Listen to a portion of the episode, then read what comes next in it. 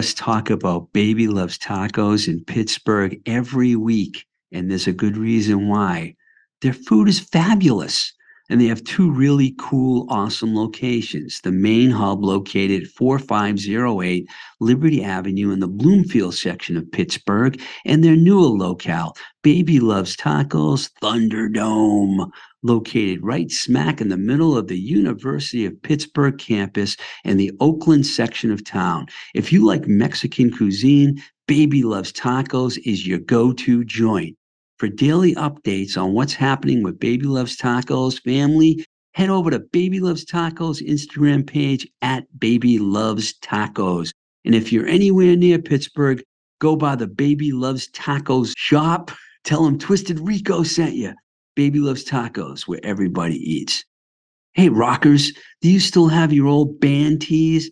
Disorder Vintage pays cash, C A S H, cash for them you can contact Disorder directly at 631 813 9459 or by email at disordertracks at gmail.com. Righteous.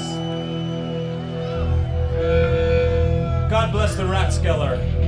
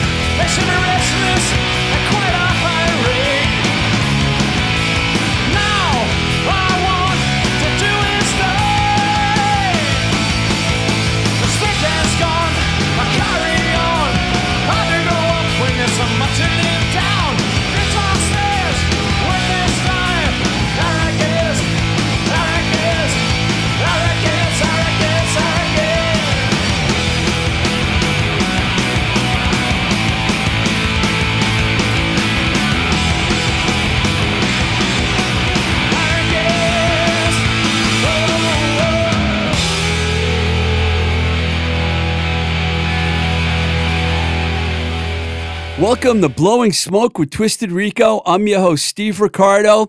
You just heard the neighborhood's arrogance from The Last Rat, which was recorded during the neighborhood's final two shows back in 1992 at The Rat in Kenmore Square, Boston. And today we're going to pay tribute to The Rat and the man behind The Rat, Jim Harold, who passed away this past week, which is like the official end of an era.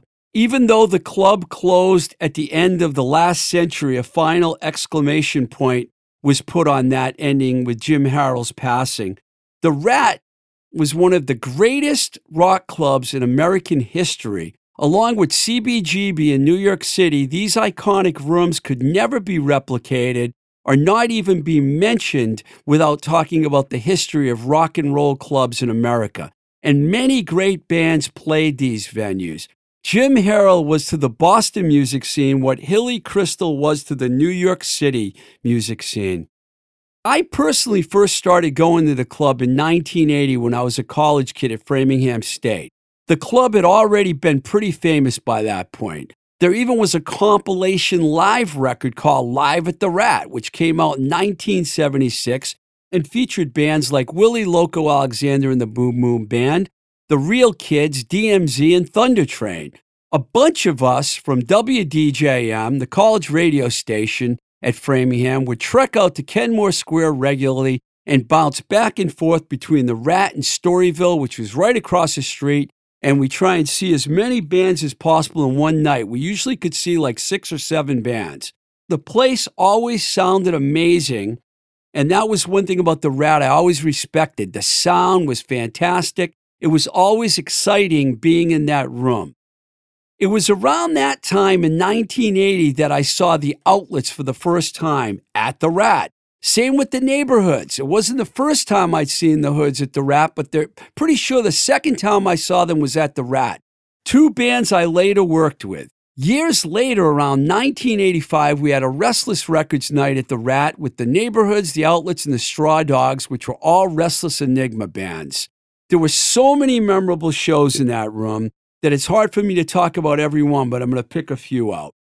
There were those two unforgettable farewell neighborhood shows, which I mentioned earlier in 1992, when the band put together two incredible nights of music that were recorded and it was later released, as you heard at the beginning of the show, when you heard Arrogance, one of my favorite neighborhood songs ever, by the way, on that record. It came out years later, but it's just all recorded at the Rat. And Aerosmith guys are on it. The original band plays a few songs. It's really, really good if you haven't heard that record yet. I spent so many memorable nights in that room that it would be impossible to list them all. But I do remember when I would come out from LA and just find a table at the Hoodoo Barbecue upstairs where the food was really good, by the way. And I'd wait for the musicians to come walking through the door. And I'm not exaggerating. It seemed like every minute there was someone from a different band walking in that room. It was like a big hangout spot. Hang out upstairs all day, go downstairs and rock at night. I had so many meetings with bands during the 80s and 90s that it was an intricate part of my whole music career.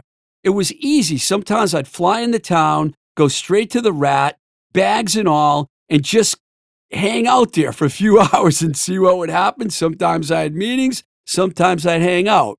One time, Scott Vanderbilt who I worked with at Enigma Records, asked me to check out a band from New Jersey called the Smithereens, who were playing there when I was actually already heading to the East Coast to do some business stuff. So I came out to their gig and it was great. And I gave a glowing report when I came back. And Scott, who had pursued the band, signed them and they went on to make that Especially For You record, which not only broke the band, but helped put Enigma Records on the map. Another time I remember at the Rat is when I moved back here back in the late 90s. I was able to put together some great shows there. Talked to Jim Harold maybe once or twice, and he gave me a chance to put some shows together. One was the legendary Three and a Half Girls album release show, which was a special night for all involved the band, Curve of the Earth Records. Dave Minehan recorded the record, and Dave actually agreed to sit in with Roadsaw that night. He he had Roadsaw back him up for three songs. I think they did a bag song and they did a couple other covers. If you were there, you remember it. It was really something. The Styrenes came up from New York City. They were on the bill, and Honky Ball, Decon, and Eight Ball Shifter also played. It was like an unforgettable night that I'll never forget in that glorious joint. The memories of that room are immense for me. When we took a group shot for the compilation CD that I put out called The Class of 98, we took the photo in front of the rat just because it seemed like the thing to do. The club had just closed at the end of 1997, but you could still feel the history out there, just standing out there. In fact, it was pretty recently I was out in the very spot where the rat used to be on Comm Ave, standing there near the entrance, which is, I don't know, a 7 Eleven or something, a hotel. It's not the rat, I'll tell you that. And I could feel the goosebumps in my arm and the vibration coming from the ground beneath me. Some people say that was just the green line, Steve, running underneath you, which is true, it was.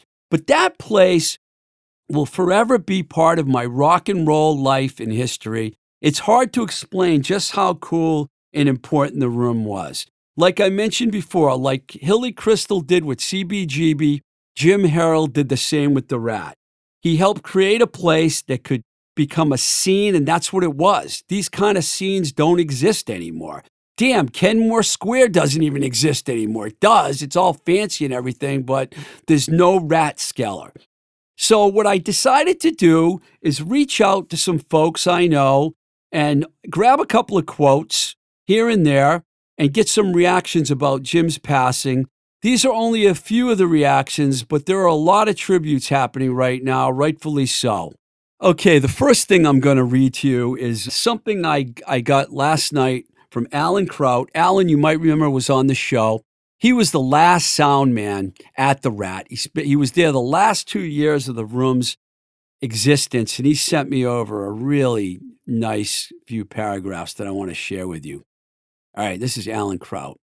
I was hired at the Rat to replace the former sound mixer Granny, who had been there for many years. Hope, the manager, who was also Jim's friend, wanted me to try out for a few weeks, and that ended up being two years. The last two years it was open, in fact.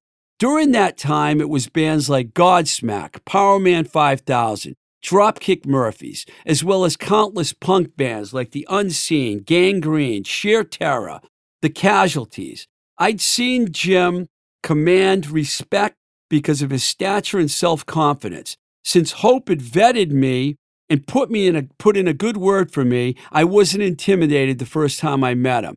He could turn it on and turn it off. One moment he could be focused and serious like a walrus linebacker, and next he could be totally relaxed like a jovial Santa Claus with a Heineken in his hand. He had a knack for smelling bullshit and didn't waste time with small talk. If he trusted you, he would give you the freedom to do whatever you thought best to do for your job. People generally loved working at the Rat. He was fairly indifferent about music, but he loved people. He liked the musicians in the band, then he liked the band. It didn't matter if they were punk, pop, rockabilly, whatever. You could sell out the room even better. He respected musicians but owned the rock club because it was an opportunity to have a sustainable business, own real estate, and make some good friends along the way. You could never imagine Jim playing a guitar solo or jamming on a drum kit, but he became an unintentional icon of the Boston music scene. We were all shocked when he said the building was being sold to BU. He once mentioned that it was a good thing the rat never got sued because he didn't have insurance. Looking back at that time, it seemed like he was ready to close shop. I remember he liked to spend time on his boat, and I got to go out with him once. Whenever he wasn't at the rat, you could probably find him on the water. You always knew what you were getting with Jim. He deserves all the good thoughts and memories pouring in. Condolences to his family, whom he loved more than anything. To Alan Kraut. Okay, I had to reach out to Dave Minehan because Dave Minehan in the neighborhoods of the bands that played the club probably more than anyone else. I'm willing to bet they played that room as many times as anyone ever did. In fact, it was at the Rat that the Hoods won the very first WBCN Rock and Roll Rumble, the first one. Here's what David had to say when I reached out to him. This is Dave Minehan.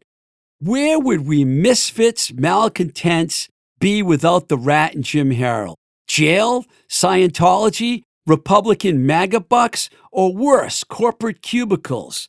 That guy, his club, and those times were epic in our lives. No hyperbole. Thank you, Jim. Your historical cultural achievement is achieved. End of an era. That was Dave Minehan. All right. Of course, I had to reach out to Lee Harrington as well, who's been on the show, and he chimed in. And this is what Lee had to say about Jim Harold and the rat. I'm sure everyone will say this, but Jimmy was a larger than life character who loomed over the rat. The epicenter of the Boston rock scene in those days was like a giant, boisterous Irish uncle. I was, a, I was still a kid in high school when I first met him, and he scared the shit out of me. Jimmy was an iron fist, but as I got to know him better growing up in this crazy basement world, I came to see his great sense of humor and his connection to the bands and the fans that made the rat what it was. I saw him a few times over the past several years, and he remembered me even after all those years. The last time I saw him, he gave me a beer hug with crazy beaming smile. As I was scared as shit he might kill me. hey, he was Jimmy freaking Harold, and I still felt like a little teenage kid. Some of these quotes I found online, like the next few. Carmelita, who's a well known Boston DJ, has been around forever. This is what she had to say. Had it not been for Jim, it's of my opinion that our local music scene would not have thrived in the way that it has in the last few decades. His vision of supporting and booking local bands was extremely risky and progressive back in the day. He is a true pioneer of putting local music and a more exciting Kenmore Square on the map of Boston rock history. Richie Parsons played in many bands and was there early on with The Rat. Unnatural Axe and Band 19 and Tomato Monkey. This is what Richie had to say. Love you, Jimmy Harold. You made a lifetime of friendships and a community of rock and roll possible to many. Joe Milliken, who was on the show, wrote a book about Ben Orr, wrote, I was very saddened today to hear about the loss of Jim Harold, owner of arguably the most influential club in Boston history, the Rat. I interviewed Jim for Let's Go, and he was very kind to me. He had remained friends with Ben Orr long after the Cars practically launched their careers from the rock and roll canon that was the Rat. Rest in peace, Mr. Harold, and give Ben a big hug from me. Al Quint, well known writer, also been on the show. Quote, I saw my first punk show there with the Plasmatics in early 1979. I made a replica of a poster from it. I never did meet Jim, but went to countless shows over nearly two decades. Jim McCarthy might not be as well known as some of these other people, but his band Poor Jim, who later changed their name to Gunmetal Gray, actually sent me a really long quote with some funny stuff in it, so I have to share it with you. There was a very bizarre fight that manifested at the front of the stage one night. One woman was dancing right in front of me, and another woman stepped in front of her and started dancing even closer to the stage and more suggestively. The first girl was irate and put her hands on the second one and pulled her out of the way. By the time anyone knew what was going on, they were grabbing each other by the hair and needed to be separated by the crowd. One of our friends took one of them aside to console her, and the night continued. It would have been horrifying had things escalated, but things broke up quickly. I think they both end up signing our mailing list. uh, one other night, a friend of ours ended up dancing on stage with us for a while, and he ran through the band from behind and attempted a stage dive. He miscalculated a bit and caught the top of his head on the heating ducts that ran across the front of the stage and flew prone through the air and landed horrifically on the back of his neck and head. Before anyone had time to even panic, he leaped up to his feet and joined the rest of the crowd in moshing, and the place went bananas. I've been told there, there's a picture of this somewhere of his flight through the air. All right, Jim also said, My final recollection is a late summer show we did in 1997, not long before the club closed. I'd gotten a decent sunburn not before, but wore this loose fitting cotton sweater because it was comfortable against my skin. But it was so hot that night due to the weather and the crowd, and the walls were sweating. The place was hot and damp. I took off my sweater and threw it into the crowd during one song because I was burning up, but no one caught the sweater. We wrapped up our set a few songs later and we were headlining that night. So I hopped off stage and said hi to a few people. Nobody had the sweater. I looked around and found it lying on the ground. It was dripping wet. like it had come straight out of a puddle.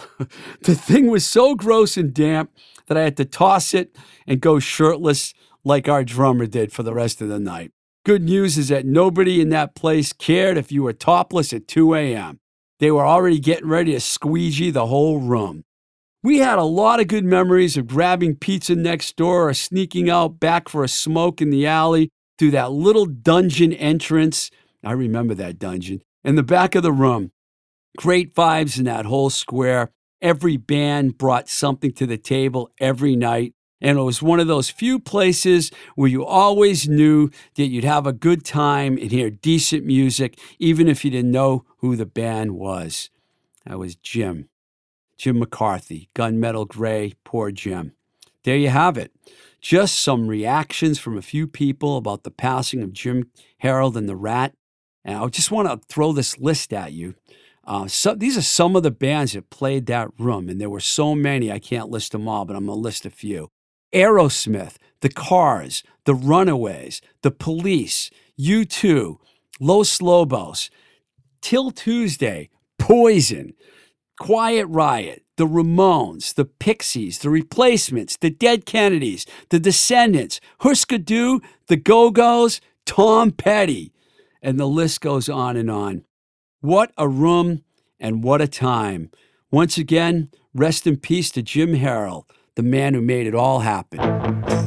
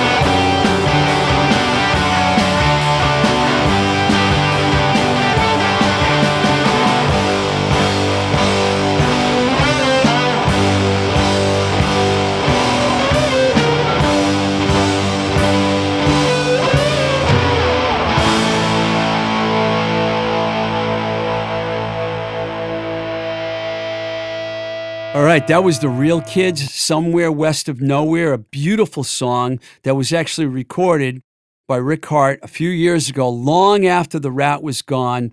But as I tried to think of a band that was synonymous with the rat, and there are so many, The Real Kids came to mind. And that song is just such a sweet song that I just felt it would like fit in right here. They were also one of those bands that I talked about that played those last two neighborhood shows in 1992. Of course, the neighborhoods reformed years later with Johnny Rock Lynch on drums. Carl Coletti was the drummer who had who has passed away, who played with them in uh, that last show, 1992. Mike Quaglia, the original drummer, was also there and filled in. That show was that those two shows were amazing because they sold out, and there were so many people that you could not move in that room. And we recorded. Jim Faraci came out from LA, a producer I knew in LA that I int- introduced to the band. He also produced some Poison songs, Rat, LA Guns, Kicks, and The Neighborhoods, The Last Rat. Goodbye, Jim Harold. Your legacy will always live on in the minds of the many bands and fans that found their way to that beautiful basement in Kenmore Square. All right. So if you're listening and enjoying this podcast, you can follow us all over social media. I like to send people to our Instagram page, which is at Blowing Smoke with TR, but we're also on that dinosaur site called Facebook. I don't know, I think they call it something else now, but I still call it Facebook. We're also on Twitter. YouTube has a page with a lot of cool Zoom interviews and other stuff. Oh, and believe it or not, yes, there's a TikTok page at Twisted Rico. I really like TikTok. It's now the new everything. I guess. I don't know. You can also reach out to me at twistedrico at gmail.com where you can send me music like lots of people do. And you can send me an email and tell me what you think about the show. I don't mind the emails at all. In fact, I love them. We have a Patreon page, patreon.com forward slash twisted rico, and our page at Anchor, which is anchor.fm forward slash blowing smoke TR. Thank you to Baby Loves Tacos and Disorder Vintage for sponsoring the show, and the Mike Nash here at Voice Motel for recording us. So, till the next time we say goodbye, this is Blowing Smoke with Twisted Rico. I'm your host, Steve Ricardo. Keep the rock and roll alive.